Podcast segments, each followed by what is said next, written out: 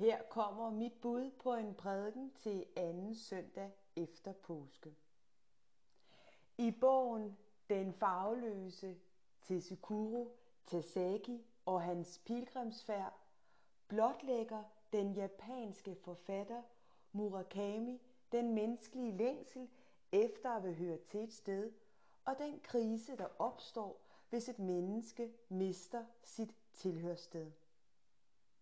Hovedpersonen Tetsukuro vokser op i en forstad til Tokyo i byen Nagaya. I forbindelse med noget frivilligt skolearbejde, som Tetsukuro melder sig til, møder han fire andre børn. To drenge, Aka den røde og Ao den blå, og to piger, Shiro den hvide og Kuro den sorte. Et venskab mellem de fire børn og Tetsukuro vokser langsomt frem og bliver et afgørende møde for den unge hovedperson. Det bliver et venskab, der kommer til at definere ham på godt og ondt. I modsætning til de fire andre børn har Tetsukuro ikke en farve som en del af sit efternavn, og derfor forbliver han den eneste i gruppen uden et kælenavn. Og det gør, at Tetsukuro kommer til at føle sig lidt udenfor. Årene går, og af forskellige grunde vokser afstanden mellem Tetsukuro og de fire venner, og den er med til, at han gradvis ryger ud af gruppen. Det betyder, at han mister det tilhørssted, som har været med til at forme ham hele hans barndom og ungdom. Og det gør noget ved den unge Tetsukuro. En tristhed vokser frem i hans indre og tager langsomt livsmodet fra ham. Pludselig er døden det eneste, han kan tænke på, og han føler sig fanget i et mørkt hul, fyldt af tomhed, ensomhed og meningsløshed. For det årlange venskab med Aka, Ave, Shiro og Kuro har i den grad været med til at definere, hvem han er og hvad han er.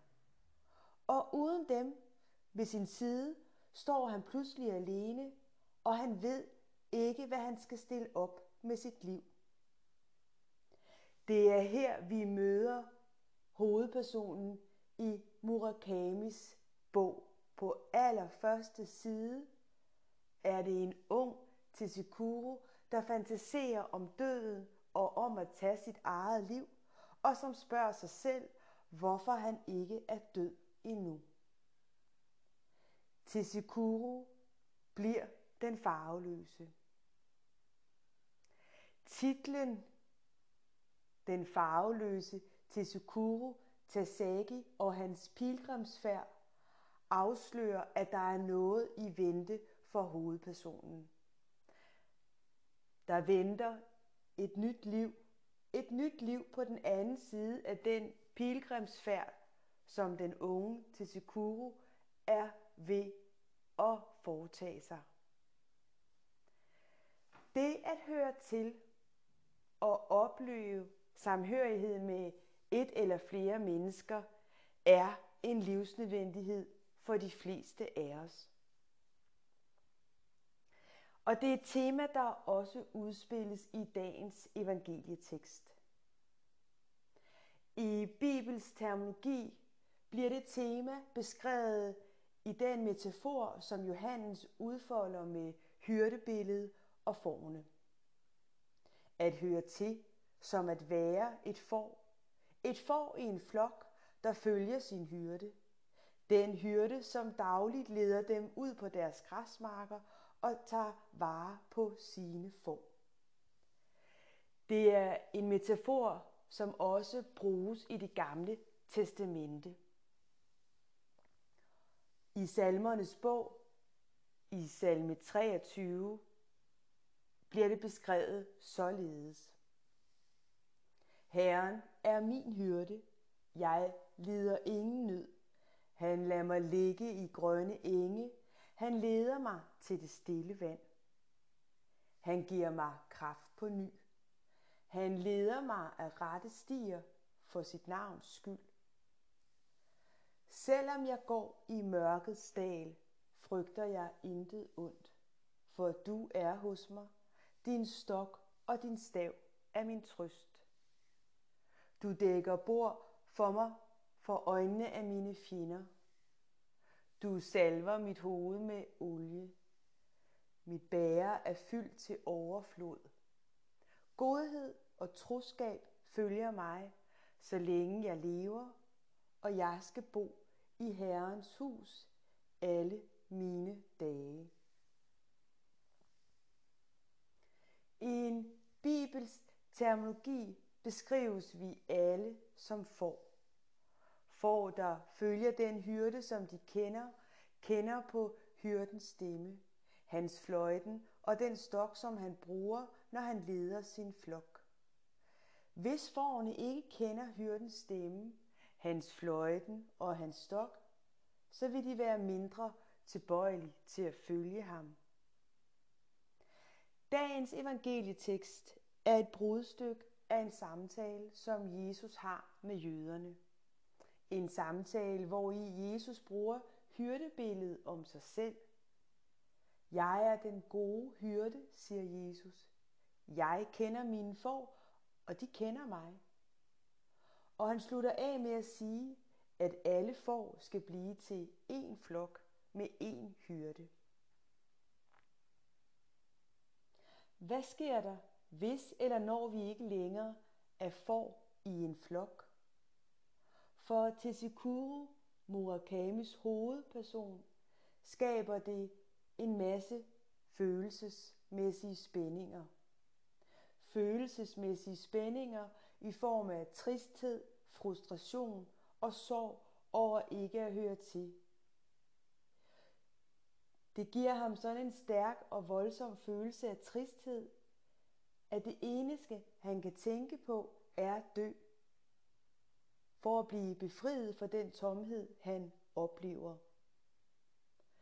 Det er som om døden bliver et mental fatamorgana, der løfter ham op og ud af den fysiske virkelighed, der volder ham så meget smerte. For det gør ondt at føle sig fravalgt, at blive ekskluderet fra et fællesskab og føle sig ensom. Når mening eller kærlighed ikke længere er et sted i vores liv, tror jeg, at de fleste af os kender til følelsen af at ramme en mur. En mur, der vælter os om kul og gør det svært for os at bevare troen, håbet og glæden. Det er på den måde et livstema, som vedrører os alle. Alle mennesker har et ønske om at høre til, høre sammen i en gruppe på den ene eller den anden måde. For det er i fællesskabet med al dens fylde som i tyngde og mening og kærlighed, at vi oplever, at der er noget, der holder hånden under os og gør livet værd at leve. Det tror jeg er noget af det, som coronakrisen har gjort klart for de fleste af os.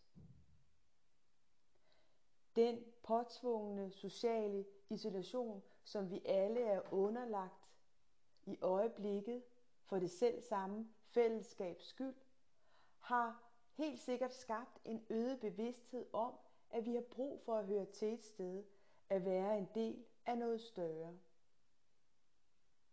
Fællessang på altaner og på de sociale medier har understreget, at vi mennesker først og fremmest er sociale væsener. Vi lever ikke af vand og mad alene. Vi lever af og i de fællesskaber, som vi bevidst og ubevidst er en del af.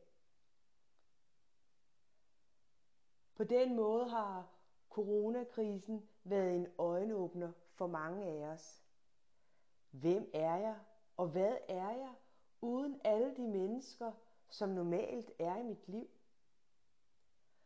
De fleste af os har måske før coronakrisen til en vis grad haft tendens til at overvurdere os selv, hvor selvstændige vi er, og at vi kan klare os selv, og alt er fint.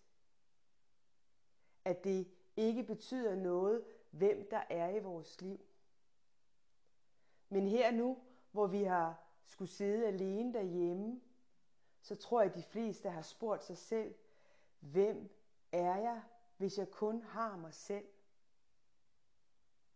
For det, der er sket, er, at vi fra den ene dag til den anden oplevede, at alt blev taget fra os. Alt det, som normalt er med til at give os en følelse af, at der er en mening med vores liv. Alle de mange sociale fællesskaber, som vores omverden repræsenterer, og som vi helt uden måske at tænke over det, har i vores liv. Jeg taler her både om de nære og fjerne fællesskaber.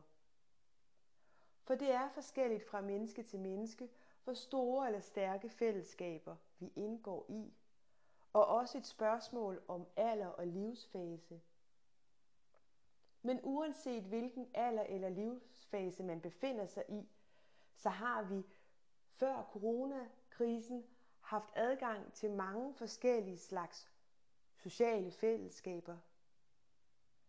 Enten i form af venskaber, familie, vores arbejde, vores fritidsliv. Hver gang vi foretager indkøb, går en tur på apoteket, er forbi værkstedet med vores bil, når vi går til lægen, eller får ordnet hår hos frisøren, eller tænder hos tandlægen, ja, så er det en del af vores sociale liv, hvor vi helt naturligt har haft kontakt og omgang med andre mennesker, ofte på daglig basis. Og for langt de fleste af os, så er det det her sociale liv, der understøtter hele vores tilværelse og gør det muligt for os at leve et meningsfuldt liv.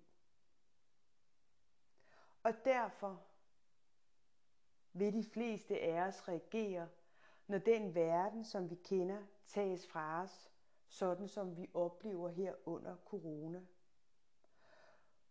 For når der kommer noget, der i den grad vender op og ned på hele vores tilværelse, så bryder det ind i vores forestillingsverden om, hvad det er for et liv, vi har. Det er, og det er også med til at suspendere det meningsfællesskab, som hele vores livsverden er flettet ind i.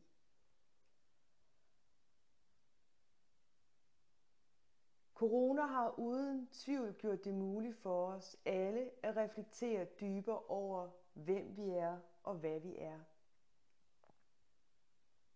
I kristen forstand ligger der en gave gemt i at se og forstå os selv som får. At være et får.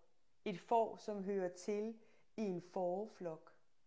Her under corona er vi alle får, som har oplevet forskellige former for tab af mening og fællesskab, fordi forflokken er blevet skilt ad. Alle har vi måtte gå alene ind og rundt på vores eget lille lukket fold, og vi ikke er i kontakt med de andre, og vi har mistet meningen i vores liv. Alt bliver tydeligt i sin modsætning. Måske skal vi se den her coronakrise som et billede på, at vi alle er blevet sendt ud på en pilgrimsfærd, og at bevidstheden om, at fællesskabet helt grundlæggende definerer os som individer og som mennesker, er noget af det, som vi har haft masser af mulighed for at gå og reflektere over i de her dage.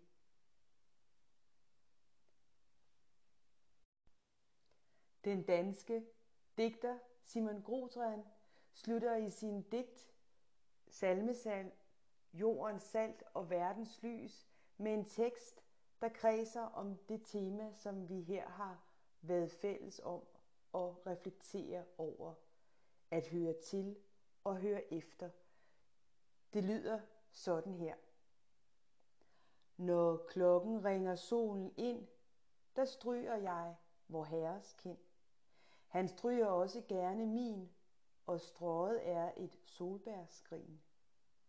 Når klokken ringer solen bort, og visse bønder kom til kort, der takker jeg alligevel, fordi jeg lever, hvilket held.